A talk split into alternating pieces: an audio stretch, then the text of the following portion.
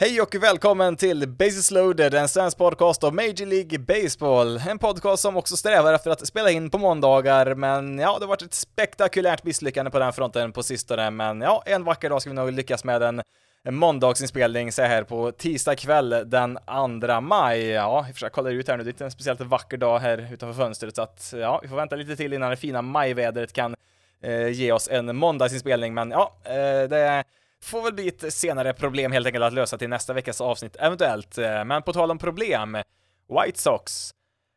Ah, alltså, aj, aj, aj, vad håller ni på med egentligen? 8-21 har de inlett säsongen med ett record på. Det är bara två lag som bestämmer hela MLB. Det är Royals på 7-22 där, en match bakom. Så har vi Oakland då på 6-23.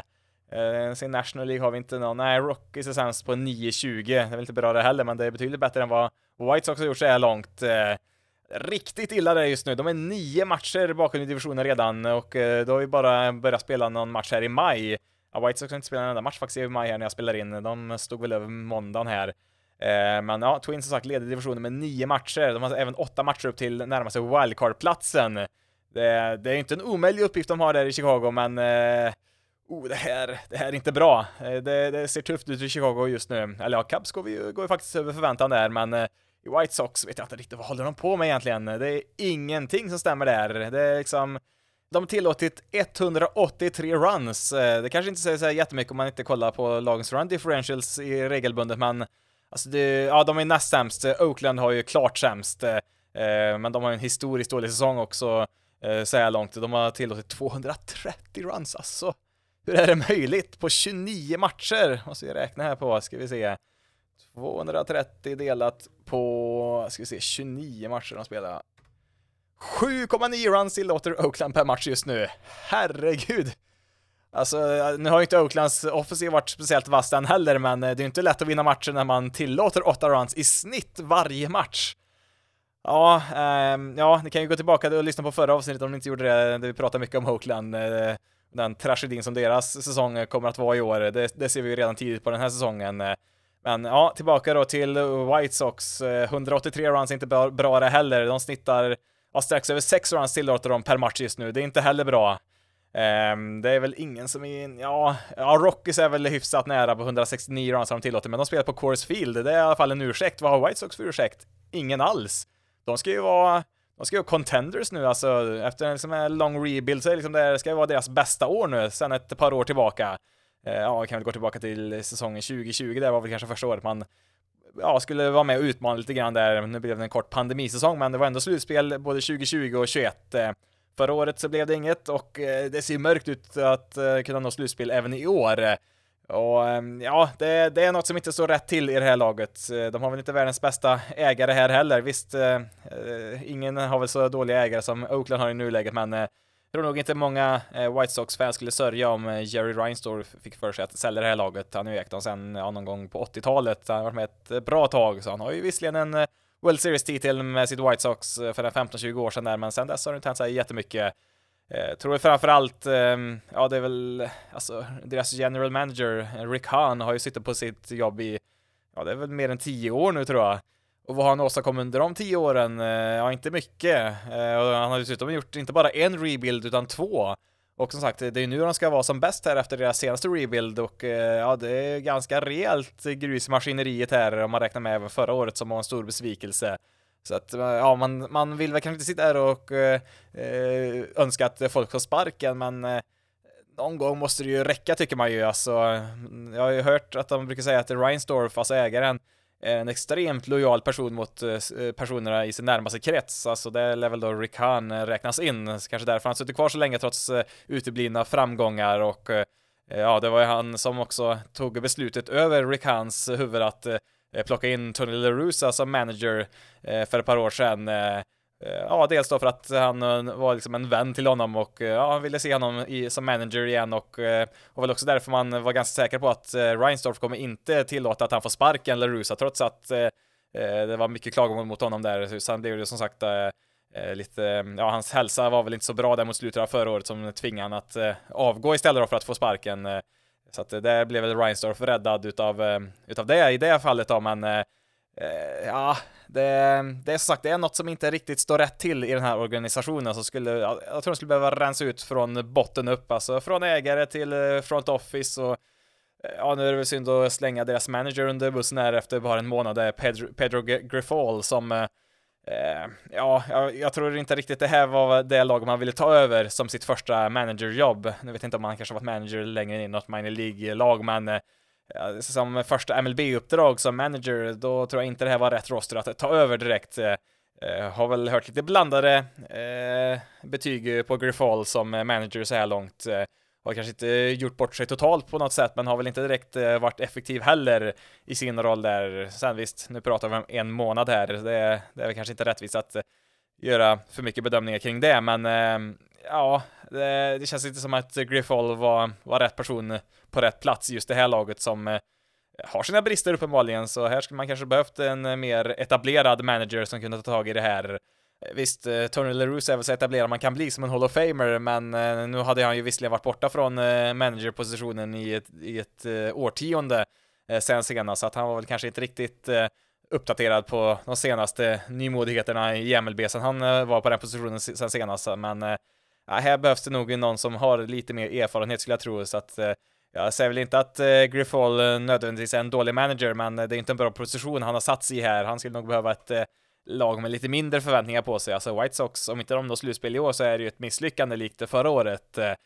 Alltså, alltså de är inte på den här absoluta högsta nivån bland de bästa lagen, men man tycker ändå att de ska, ska kunna ta, om inte divisionen, i alla fall en wildcard-plats innan säsongen började, men Mm, ja, det, det, ser som sagt tufft ut eh, än så länge. Nu är man ju då åtta matcher från närmaste slutspelsplats. Eh, det är inte omöjligt, men eh, det ska nog mycket till här nu som det ser ut just nu. Eh, sen visst, de har eh, mycket skador.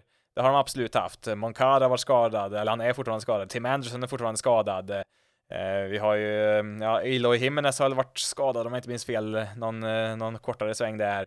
Eh, vi har ju även eh, ja, Liam Hendricks i deras bullpen. Han är väl förhoppningsvis tillbaka nu. Har blivit cancerfri nu har han eh, deklarerat, så att han ska väl vara tillbaka om inte allt för lång tid här, men Eh, ja, nej, det är, det är mycket som, som, som har gått snett här på, på kort tid. Eh, och om vi går tillbaka till Rick Hahn och hans lagbygge, är det någonting de spenderat mycket pengar på i det här laget, så under de senaste åren framförallt, så har de ju spenderat jättemycket pengar på deras bullpen. Och har de presterat i år, eh, ja, eh, med, med tanke på hur många runs som har tillåtit så lär de inte ha presterat speciellt bra, men alltså kollar vi på liksom Kendall Gray, men ska det vara eh, om det är han som är deras closer, han har en ERA över 5. Reynaldo Lopez har lite saves, har väl också hamnat i den här rollen några gånger. Han har ERA över 8. Och liksom flera namn man känner igen. Jake Diekman, ERA på nästan 8. Joe Kelly på också nästan 8. Aaron Bummer har en ERA på nästan 10. Um, ehm, alltså när, det, när man spenderar så mycket pengar som på sin bullpen så eh, Alltså visst, reliever ERA är väl lite, lite lurigt med tanke på hur få innings som kastar, framförallt så här tidigt på säsongen, men de har ju inte många rätt just nu, eh, om vi säger så. Nu ska vi se om vi kan se vad de har presterat eh, som lag bland deras relievers. Eh, om vi tar, eh, vi ser, ja, de har en gemensam ERA på 6,86 har White Sox relievers. Eh. Det är inte speciellt bra, eh, kan vi inte direkt eh, påstå. Vi ska se om vi kan få för hela ligan, vart de ligger då. Vi sorterar efter ERA. Då har vi White Sox på en ja, jag ska inte säga solklar, men ändå en sista plats. Eh, marginellt sämre än eh, Oakland Ace som har sina egna problem om vi säger så. Ehm, så att, ja, just nu så har eh, White Sox eh, Bullpen sämst ERA utav alla lag i hela MLB det, säger, det, det säger en hel del med tanke på att det är som sagt det är en eh, lagdel som man spenderat en hel del pengar på de senaste åren. Då får det inte se så illa ut. Inte för att deras starters har så himla bra de heller. Eh, Ska vi se om vi sorterar efter deras starters ERA då kanske inte riktigt lika illa, men eh, det lär ju inte vara bra. Ska vi se. Nej, de är ändå ja, bara sjätte sämst. Eh, 5,3 ligger deras starters ERA på. Eh, och det är ju, mm, ja, Lance Lynn, eh, 7 ERA på 6 starter. Eh, Clevenger 4,5, det får väl anses okej okay för honom. Kopek eh, 7. Dylan Cease som var lysande förra året, strax över 4. Giolito strax över 4 han också. Ja, så det kan väl bara bli bättre kan man väl tycka härifrån. Eh, eller ja, visst, det kan ju alltid bli sämre. Så, så är det ju alltid, men jag tycker väl att nu måste väl det här laget vara på botten, så nu kan det väl bara gå uppåt, men frågan är om det här hålet de har grävt sig är alldeles för djupt för att ta sig ur här innan säsongen väl ta slut. Eh, eh, jag ser faktiskt här nu, det dyker upp ett, eh, en tweet här från just White Sox. De har gjort 11 roster moves har de gjort här nu. Ja, det kanske är dags att skaka om lite grann här. Ska vi se, de har, ska vi se, ja, de, Tim Anderson tillbaka från skada, även Hanser Alberto, vet jag inte hur mycket det kommer bidra med, men han plockat upp Alexander Colomay till deras bullpen. Ja, och Billy Hamilton, ja, nu är säsongen räddad. Billy Hamilton är tillbaka på deras MLB-roster. Eh, Joe Kelly, ja, han ska tydligen bli förälder, så han är borta några dagar där då. Vi har eh, Oscar Collas och Lenin Sose har skickats ner. Ja, Jake Diekman som jag nämnde nyss, eh, blivit designated for assignment och eh, Frank Herman också, en, också en reliever där, så att eh, ja, de får skaka om sin roster ganska rejält tror jag här om de ska vända det här den närmaste tiden, men som sagt, eh, det kan väl Ja, som sagt, det kan alltid bli sämre, men det kan väl, måste väl nästan bara bli bättre härifrån för, för White Sox del. Ska väl också nämna Cardinals lite snabbt här, ett annat central-lag som eh, har lite tufft just nu, men i National League då, de är ju sist i divisionen med ett record på 10-19, det är faktiskt näst sämst record i hela National League, bara Rockies är sämre. Eh, de har ju två matcher upp till Reds där på fjärdeplatsen i divisionen. Eh, ehm, ja, vad har hänt här egentligen? Eh, ja, det kan man fråga sig. De har ju en betydligt bättre run differential då, som vi pratade om tidigare, än vad White Sox har, men Eh, Eh, det är inte frid och fröjd här heller i St. Louis som eh, många, inklusive mig själv, trodde skulle vinna den här divisionen. Eh, kan de ju fortfarande göra då, men eh, kan jag säga att de har tio matcher upp till första platsen eh, som visserligen är ett Pittsburgh Pirates som vi pratade om, som Ja, jag trodde väl inte på deras långsiktiga chanser redan i förra veckans avsnitt, men ja, en vecka senare här lite drygt så har de fortfarande best record i National League. De har väl, en, ja det är väl bara Race som är bättre. Ja, Pirates är andra laget upp till 20 vinster i år. Eh, 29 är deras record just nu, vunnit 8 av deras 10 senaste. Men eh, ja, tillbaka till Cardinals då. Eh, riktigt tufft som sagt här inledningsvis. Eh, deras run differential är väl visserligen bättre än vad White Sox är, ganska mycket bättre. Eh, ligger ju på nästan plus minus noll. De har väl tillåtit 13 mer runs än vad de har producerat eh, offensivt då, så att eh, eh, det är inte någon total katastrof som vissa andra lag, men eh, ja, det, det ja, man, man, man, kan ju, man kan ju inte vinna en division i april, men man kan ju förlora en division i april månad. Det kan man absolut göra och det är inte helt omöjligt att eh, Cardinals har gjort det här nu. Var det någonting man var bekymrad eh, över Cardinals innan säsongen så var det deras starting rotation och mycket riktigt så ser vi en hel del brister där. Det har Jordan Montgomery som varit riktigt bra för dem, det har han varit. Jack Flaherty har väl, um, ja, alltså vad ska man förvänta sig av honom egentligen? Han såg ut att vara ett framtida ace för Cardinals, sen har ju skador eh, satt stopp för honom här på sistone. Hans ERA ligger strax under fyra just nu, vilket eh, efter omständigheterna kanske får ses som helt okej, okay, men eh, därefter så så droppar det av riktigt rejält. Jake Woodford, 5,7 hans ERA på. Miles Michaelis som ska vara så stabil här i deras rotation, en ERA på nästan 6 och Steven Mats strax över 6. De ligger ju i den undre tredjedelen bland starters Eh, när det gäller ERA i MLB just nu. Och eh, ja, det var väl det här som var den största, det största frågetecknet som sagt innan säsongen om deras rotation verkligen ska hålla i år. Det, mm, ja, nu saknar de ju Adam Wainwright, är ju fortfarande skadad, men eh, jag är tveksam till om han ska komma in här och lyfta deras rotation till nya nivåer här. Alltså om vi säger att han kommer in och kastar stabilt då säger vi, eller kanske till och med hyfsat bra, så jag tycker inte det räcker till. Det här är inte en slutspelsrotation på något sätt. Alltså det är ett lag som Alltså en rotation som tillhör ett lag som slåss eventuellt om en, om en wildcard-plats i bästa fall. Eh, alltså visst, nu har ju några av de här underpresterat, absolut, men eh, inte så att jag skulle bli livrädd som motståndare till Cardinals i ett slutspel när man såg deras rotation, även med Wainwright frisk där och eh, ja, med tanke på hans ålder så det är inte helt omöjligt att Wainwright kommer tillbaka och faller helt sönder och samman.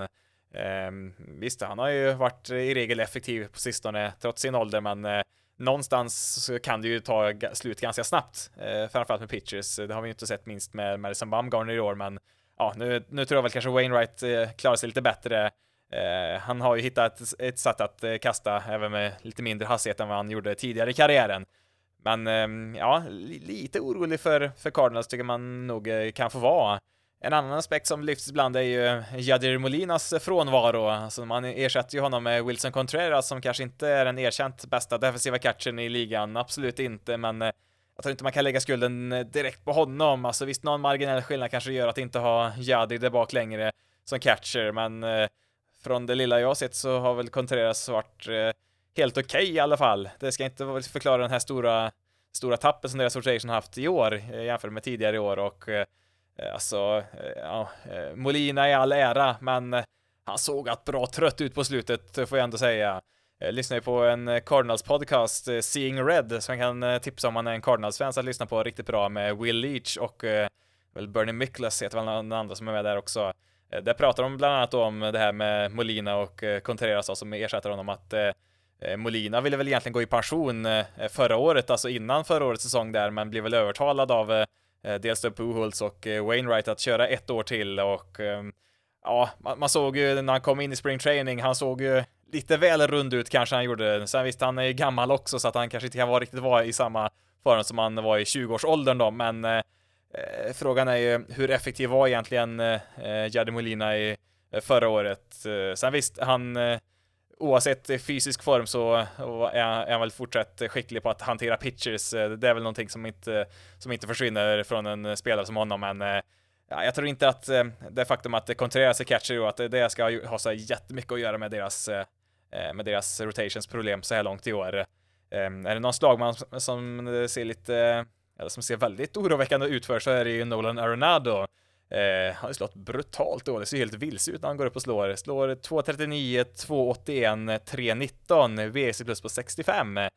Som sagt, ser lite vilsen ut eh, just nu offensivt. Eh, nu tror jag väl i och för sig då, han är ju så pass etablerad att han borde kunna snygga till de här siffrorna hyfsat i alla fall till säsongen är slut och eh, när vi summerar årets säsong så skulle jag gissa på att det ser ut som ytterligare en Nolan Arenado-säsong. Kanske inte bland hans bästa då, men Eh, det, det lär väl inte fortsätta året ut i alla fall. I så fall så, ja, då börjar man kanske ha lite problem där för Cardinals även offensivt sett, men eh, där har man ju lite andra spelare som kan eh, bära den bördan för tillfället i alla fall. Framförallt Paul Goldschmidt eh, fortsätter vara riktigt, riktigt bra. Eh, har ju varit eh, fantastiskt sedan han kom över här från, eh, från eh, Diamondbacks. Inte för att han var dålig när han var där heller då, men ehm, ja, de har ju, ja, de har väl betydligt fler orsaker att eh, vara positiva offensivt än de har på pitching-sidan. Eh, även Nolan Gorman har ju slagit riktigt, riktigt bra. Eh, intressant också att se Jordan Walker som eh, även han inledde väldigt bra där till en början. Hade ju en hit i 20 matcher i rad var det väl där, slog några rekord och, och så, men han har skickats ner till AAA nu. Har ju inte varit riktigt lika het de sista matcherna där.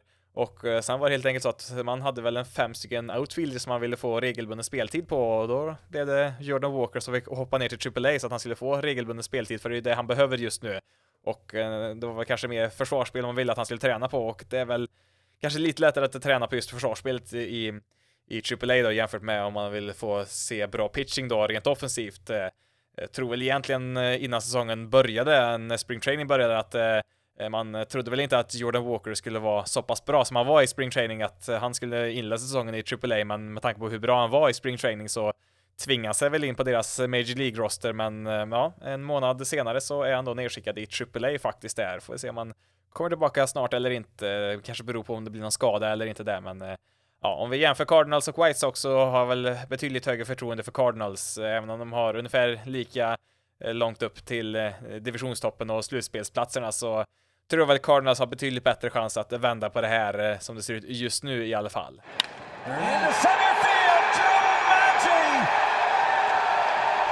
Officially goes into the record books as having a major league hit and a major league RBI.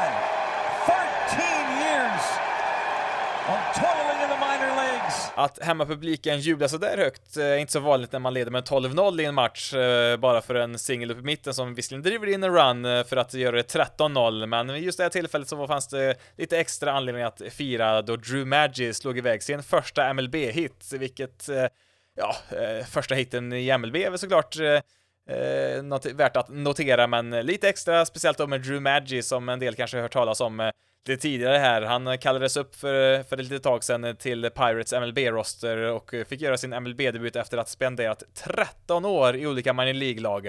Eh, han draftades i draften 2010. Eh, en draft där Bryce Harper gick som nummer ett, eh, Manny Machado som nummer tre. Det är ju spelare som har varit med ett tag och som sagt under alla de där åren som Machado och Harper har spelat sen de draftades så har ju då Drew Maggi spelat i ja, olika minor League-lag eh, har han hoppat runt där utan någon större framgång egentligen, men eh, fick äntligen göra sin eh, MLB-debut som 33-åring och det har man väl på något sätt kanske förtjänat efter att ha harvat runt så länge i, ja, framförallt AA och AAA, men som sagt, han har inte spelat speciellt bra där. Alltså i år slår han under 200 i AA. Förra året slog han, ska säga, 2.19, 2.76, 3.23 i AAA då för Pirates, så att det är inte någon spelare som kanske är något eh, framtidsnamn här, utan det var väl mest en spelare de, de, behövde, de behövde mest ha någon på plats på deras roster och då kanske man passar på att ta upp Madger som har slitit som bara den för att komma upp och Ja, vem vet, det, kanske, det här kanske blir hans enda MLB-match de här tre, men eh, det är ändå, ja det är sex plate appearances han får det här och eh, vad som än händer här efter så kan han ändå titulera sig som en Major League Baseball-spelare. Det, det är ju inte alla som kan påstå det direkt, så att eh, ja, det är kul för Maggie som, som sagt här, även om det inte skulle bli något mer resa upp i MLB, alltså han draftades ju i 15 rundan där 2010. Det är inte direkt mycket pengar man får om man draftas så sent och eh, ja, man blir inte direkt rik på att spela man i League Baseball heller, så att eh, en extra eloge att han har hängt i så länge ändå faktiskt. Man brukar väl säga att eh, i de olika minor League-systemen så finns ju prospects och så finns det de spelarna som mest bara är där för att eh, matcherna ska kunna vara möjliga att eh, spela. Så du måste ju ha nio spelare på planen för att spela en baseballmatch och ja, det behövs lite utfyllnad också. Någon måste stå där i left field och på tredje bas eller vart det nu är som behövs en lucka. Någon måste vara sista man i, i lagens bullpen, även om de inte har någon chans att nå upp i MLB, men ja, rätt vad det är så kommer det upp någon oväntad spelare som Magic som belönas för sin ihärdighet. Och om allting eh, går fel för ett lag som eh, White Sox så är det här ännu ett tecken på allt som går rätt för ett lag som Pirates just nu. Alltså, eh, det här har ju varit liksom årets roligaste story kanske just med Drew Maggi och att han kommer upp och får inte bara en utan två hits också, alltså det... Alltså det känns som att allting Pirates gör just nu blir så rätt på något sätt. Kanske därför de ligger i toppen av National League som det ser ut just nu. Alltså man pratar ju om momentum. När en, två, tre saker går bra så lär fyra, fem, sex saker också gå bra. Hade White Sox kallat upp en spelare på Magis nivå som inte egentligen har någonting på den nivån att göra, som han spelat tidigare i alla fall, ja, då har vi mest skrattat eller skakat på huvudet och undrat vad håller de på med där borta egentligen? Men när Pirates gör det, då blir det liksom liksom årets feelgood story utav det istället. Så att eh, återigen, kul för Magi och ja, kul också för Pirates som verkar göra ovanligt många saker rätt nu för tiden. På tal då om just Bryce Harper som gick etta i den där draften då 2010 så, mm, ja han åkte ju på en skada där förra året i armbågen som höll honom borta från spel en stor del utav förra sommaren. Eh, var ju risk att han var tvungen att operera där och missa resten av förra året där, men kom ju tillbaka senare under året och tog ju Phillies hela vägen till sjätte matchen i en World Series innan det tog stopp där mot Astros. Eh, eh, sen eh, har han då genomgått en Tommy John-operation, vilket eh, Eh, inte är riktigt lika farligt för en position player då som det är för en eh, pitcher. En pitcher behöver ju räkna med minst ett år borta från spel efter en Tommy John-operation. Eh, för position players så tar det lite kortare tid då eftersom de inte ja, behöver kasta en boll allt vad de kan hundra gånger på match det underlättar ju en hel del, även om man i Bryce Harpers fall då som är en right fielder behöver kasta en del därifrån också såklart, men det är inte lika påfrestande såklart som, en, som för en pitcher. Men hur som helst, det tar ju ett tag att komma tillbaka från en sån här operation även som en position player och i vintras då, när man genomförde den här eh, operationen så sa man väl att eh, ja, läker det bra här så kanske han kan vara tillbaka där kring All-Star-uppehållet. Det eh, brukar vara ungefär två veckor in i i juli där någonstans brukar det ligga, så att ungefär två månader från nu har man ju räknat med att han ska vara tillbaka och Kollar vi på rubrikerna i början på veckan här så noterar vi bland annat att Phillies räknar med att Harper ska vara tillbaka i deras lineup som designated hitter i kvällens match mot Dodgers. Vänta, va? Alltså, jag är ganska säker på att All-Star-matchen är under min semester och någon semester, det har jag inte fått riktigt ännu. Men ja, tydligen ska Harper eh, göra säsongsdebut eh, redan ikväll, eh, eller ja, i natt då, svensk tid blir det väl. Ehm, man hade väl pratat om att han kanske skulle komma tillbaka lite tidigare ändå, att det gick ganska bra, men att han skulle vara tillbaka andra maj, det fanns inte ens på kartan för inte alls länge sedan, eh, men ja, det är väl bara för Phillies att tacka och ta emot. Eh, Samtidigt så är man väl lite orolig för att han kommer tillbaka kanske lite tidigt. Han har inte ens gjort några rehabstarter i, i, i AAA eller något sånt där, utan han går ju rakt in eh, här nu i Phillies är första matchen i år. Eh, ja, eh, ja, det ska väl vara en spelare utav Harpers kaliber för att man kanske ska göra det. Eh, nu har man väl klarat sig hyfsat ändå, eh, Phillies så här långt i år, utan Harper. Eh, visst, de ligger på, på fjärdeplatsen i divisionen, 15-15, ett 500 record, eh, men det är ändå fyra och en halv match upp till första platsen. Det är ju inte någon möjlighet att eh, ta ikapp eventuellt, eh, men ja, i och för sig, Braves ser riktigt bra ut i år. Eh, en och en halv match har de upp till eh, sista wildcard-platsen för övrigt. Eh, eh sa väl innan säsongen att eh, Phillies första uppgift blir att eh, hålla sig över vattenytan eh, tills Harper kommer tillbaka i alla fall, så att de är i närheten för att kunna ha en chans eh, Eh, senare i år, i alla fall när det gäller divisionstiteln. kanske är mer eh, wildcard-platserna man får sikta in sig på, men eh, ja, man är ju ändå ett 500-lag och är inte frånsprungna på något sätt i, i divisionen. Så att man har väl ändå ett hyfsat utgångsläge här nu när Harper kommer tillbaka. Får väl se hur han ser ut när han kommer tillbaka. Det kan ju vara mycket möjligt att vara så att han inte presterar någonting alls här inledningsvis. Eh, det är ju en ganska allvarlig skada och operation han kommer tillbaka ifrån så att det kan ju dröja ett tag innan han är i matchform. Men med det sagt så är det faktiskt inte Phillies eh, superstjärnor som har lyft laget offensivt. Eh, det är ju faktiskt, alltså Trey Turner har inte gjort speciellt mycket offensivt än så länge. Schwarber har väl, han har slagit sina homeruns, det har han gjort, men inte så mycket mer. Utan det är ju, ja, det är Brandon Marsh, Nick Castellanos och Bryson Stott kanske som bär det här laget offensivt just nu eh, faktiskt. Eh, ja, Castellanos, ja, han ska vi inte säga att han är en superstjärna eh, även eh, tidigare i karriären, men eh, han har ju haft några riktigt bra säsonger bakom sig, men han var ju ett väldigt mysterium förra året. Fick ju ingenting att stämma nästan offensivt förra året, men har inlett väldigt bra så här långt i år och ja, framförallt Brandon Marsh har ju varit grymt bra. Han är en av ligans bästa offensiva spelare så här långt. Eh, det kommer väl kanske inte att hålla. Både Marsh och Castellanos har ju en babby på över 400. Det är väl kanske inte hållbart i längden eh, på något sätt, eh, men Eh, Eh, väldigt eh, positivt tecken att se, framförallt Castellanos, att han eh, presterar betydligt bättre än vad han gjorde förra året. Sen, man kanske ska räkna med att han slår riktigt lika bra som han gör just nu, en VC plus på 137. Men eh, även om han sjunker tillbaka lite grann i sin produktion så lär han ju fortfarande ligga på en bättre nivå än förra året. Eh, Brandon Marsh är ju till tidigare top prospect eh, eh, som de trädde till sig från eh, Angels eh, mot Logan O'Hoppy, en catcher som också var, varit riktigt bra för Angels då. Tyvärr har han blivit skadad, missade väl resten av säsongen, men just Brandon Marsh har varit fantastiskt bra. Slår ju 3.37, 4.22, 6.40. Vi pratar alltså om eh, peak Mike Trout MVP-säsongsstatistik där på honom. Eh, I och för sig på 28 matcher kanske inte håller 162, men kan han bibehålla en del av den produktionen så ser det onekligen bra ut där också, så att eh, Även om superstjärnorna som Turner, Schwarber, Realmuto inte har producerat riktigt så här långt så har ju ändå en del andra klivit fram och så får vi se då vad Harper Eh, ja, vad han har att erbjuda här när han kommer tillbaka då, som sagt, redan i natt här då, svensk tid, eh, för sitt Phillies. Eh, eh, på tal då om just Phillies, eh, en sak som jag nämnde innan säsongen som kan vara intressant att ha utkik på här, framförallt tidigt på säsongen, det var ju hur Zach Wheeler och Aaron Nola skulle prestera här tidigt. Eh, det är ju inte helt ovanligt att eh, starting pitchers har det lite tufft eh, när man spelat ett långt slutspel, framförallt då ända in i en World Series som de här två gjorde. Och ja, mycket riktigt ser vi att de varit lite trögstartade. Det, det är sex starter det rör sig om bara. Strax över 30 innings som har kastats. Zach Wheeler, en ERA på 3,86. Aaron Nola på runt 4,5 så att de ligger ju klart klart eh, under de siffrorna som vi såg från dem förra året, men det kan ju ha sin förklaring såklart eh, med hur det såg ut, eh, eller med tanke på hur mycket de fick kasta förra året. Framförallt Aaron Nola har väldigt lite strikeouts, strikar ut ungefär sju sju stycken per nio innings, brukar ha tvåsiffrigt annars om jag inte minns helt fel. Jo, tio la han på förra året så att har inte riktigt fått, fått sina strikeouts som han hade förra året där. Det är väl säkert en aspekt till varför det har sett lite sämre ut. Eh, bäst starting pitcher så här långt i år har faktiskt varit Matt Stram som man kanske först trodde kanske skulle vara en eh, bullpenarm där, men han har faktiskt kommit in och kastat riktigt bra i deras eh, rotation. Nu, nu kastar han ganska få innings eh, per start. Alltså han har startat fem matcher och bara kastat 22 innings, men har en ERA under 2,5 på det, så att eh, han har väl eh, hjälpt dem lite grann här då, i alla fall inledningsvis då. Förhoppningsvis kan väl Wheeler och Nola komma igång här så småningom här, men eh, som sagt, det, det, är inte helt lätt att komma tillbaka efter ett långt slutspel som starting pitcher eh, så här tidigt i säsongen efter. Då var det slut för denna veckas avsnitt tyvärr. Hade några punkter till jag gärna hade lyft upp här men inte hinner med. Men ja, så är det ibland. Ibland räcker inte tiden till helt enkelt. Jag hade gärna lyft Jared Kellenick och Cody Bellinger som eh, inlett säsongen väldigt bra här och eh, eh, ja, kan väl även nämna Giants Padre spelar ju ett par matcher i Mexico City här i helgen.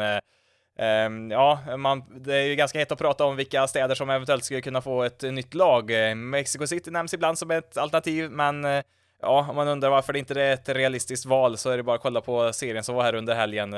Eh, Mexico City ligger på betydligt högre höjd än vad till och med Denver gör, alltså där Coors Field ligger. Så att det var väl 11 homeruns här i, i en av matcherna, så att eh, där, eh, där flyger bollarna rejält kan vi ju säga. Det, det, är kul ett par matcher kanske, men vi kanske inte ska lägga ett lag permanent i Mexico City av alla ställen. Ska man ha något lag i Mexiko så finns det väl betydligt bättre städer, lite närmare havsytan om vi säger så.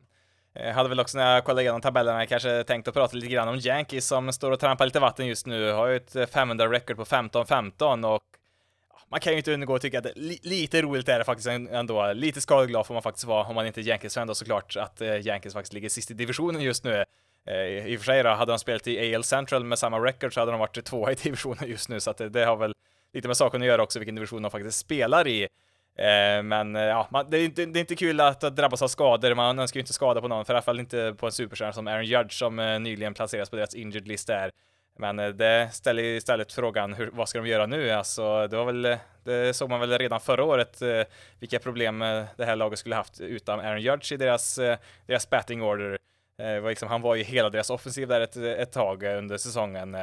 Eh, och eh, nu är han ju borta här igen, så att eh, det kan, kan vara lite tufft här nu den närmaste tiden för Yankees här, eh, som ja, redan är åtta och en halv match bakom Race i, i tabellen där, men ja, det är mycket kvar att spela där. Det är bara en och en halv match upp till sista wildcard-platsen som även den ger en, en plats i slutspelet. Men ja, det är värt att notera ändå där att ett skadedrabbat Yankees faktiskt är sist i divisionen och att Eh, Eh, beroende på hur lång Judges skada blir här nu så kan det bli ganska tufft här nu ett, eh, tag för Yankees. Jag har ju förlorat sju av sina senaste tio, fyra raka förluster här när jag spelar in så att eh, Ja, vi får inte glömma heller att Yankees förlorar ju säsongsserien mot Twins. Det har ju typ aldrig hänt. Eller ja, jo, det har det ju, men inte de senaste 20 åren i alla fall. Eh, Twins har ju varit Yankees strykpåse nummer ett under hela 2000-talet, men eh, ja, eh, Twins slog tillbaka här nu och tog säsongsserien så att ja, vem vet, det kanske är lika bra för Yankees att bara ge upp den här säsongen totalt helt och hållet. Då återstår bara att informera om veckans matchdag som blir på torsdag den här veckan, den 4 maj. Eh, klockan sju börjar matcherna. Har vi bland annat eh, Cubs mot Nationals, vi har Mets mot Tigers, där ser vi Verlander göra sin säsongsdebut mot sitt gamla lag, mot Eduardo Rodriguez som har inlett säsongen bra för Tigers där. Men oj, vilket möte vi har sen där. 10 över 7 kan man inte missa. Avslutningen på årets bästa serie, förmodligen. Pirates mot Rays, National League stolthet mot American League stolthet eh, ettan mot ettan i nuläget i alla fall. De inledde ju sin serie redan nu i natt, men eh, tredje och sista matchen idag på torsdag 10 över 7, det kan man ju bara inte missa. Velasquez vs Eflin. Sen har vi även då Angels mot Cardinals som man föredrar det. Lite andra matcher sen som startar vid 8 och 9 tiden där, så att det, det, finns en hel del matcher att uh, välja på där under uh, torsdagskvällen, så att uh, Eh, om man känner att eh, man har lust att titta på någon av de matcherna där så är man varmt välkommen som vanligt att eh, hänga med på Discord där i röstchatten där eller via textchatt går ju också såklart. Länkarna till den om man inte är med där finns såklart i beskrivningen som vanligt. Men nu har jag pratat tillräckligt för idag. Mitt namn är Jonathan Fabri. Tack så jättemycket för att du har valt att lyssna på detta avsnitt av Basis loaded. Ni får ha det så bra där ute så hörs vi förhoppningsvis i ett avsnitt inspelat på nästa måndag.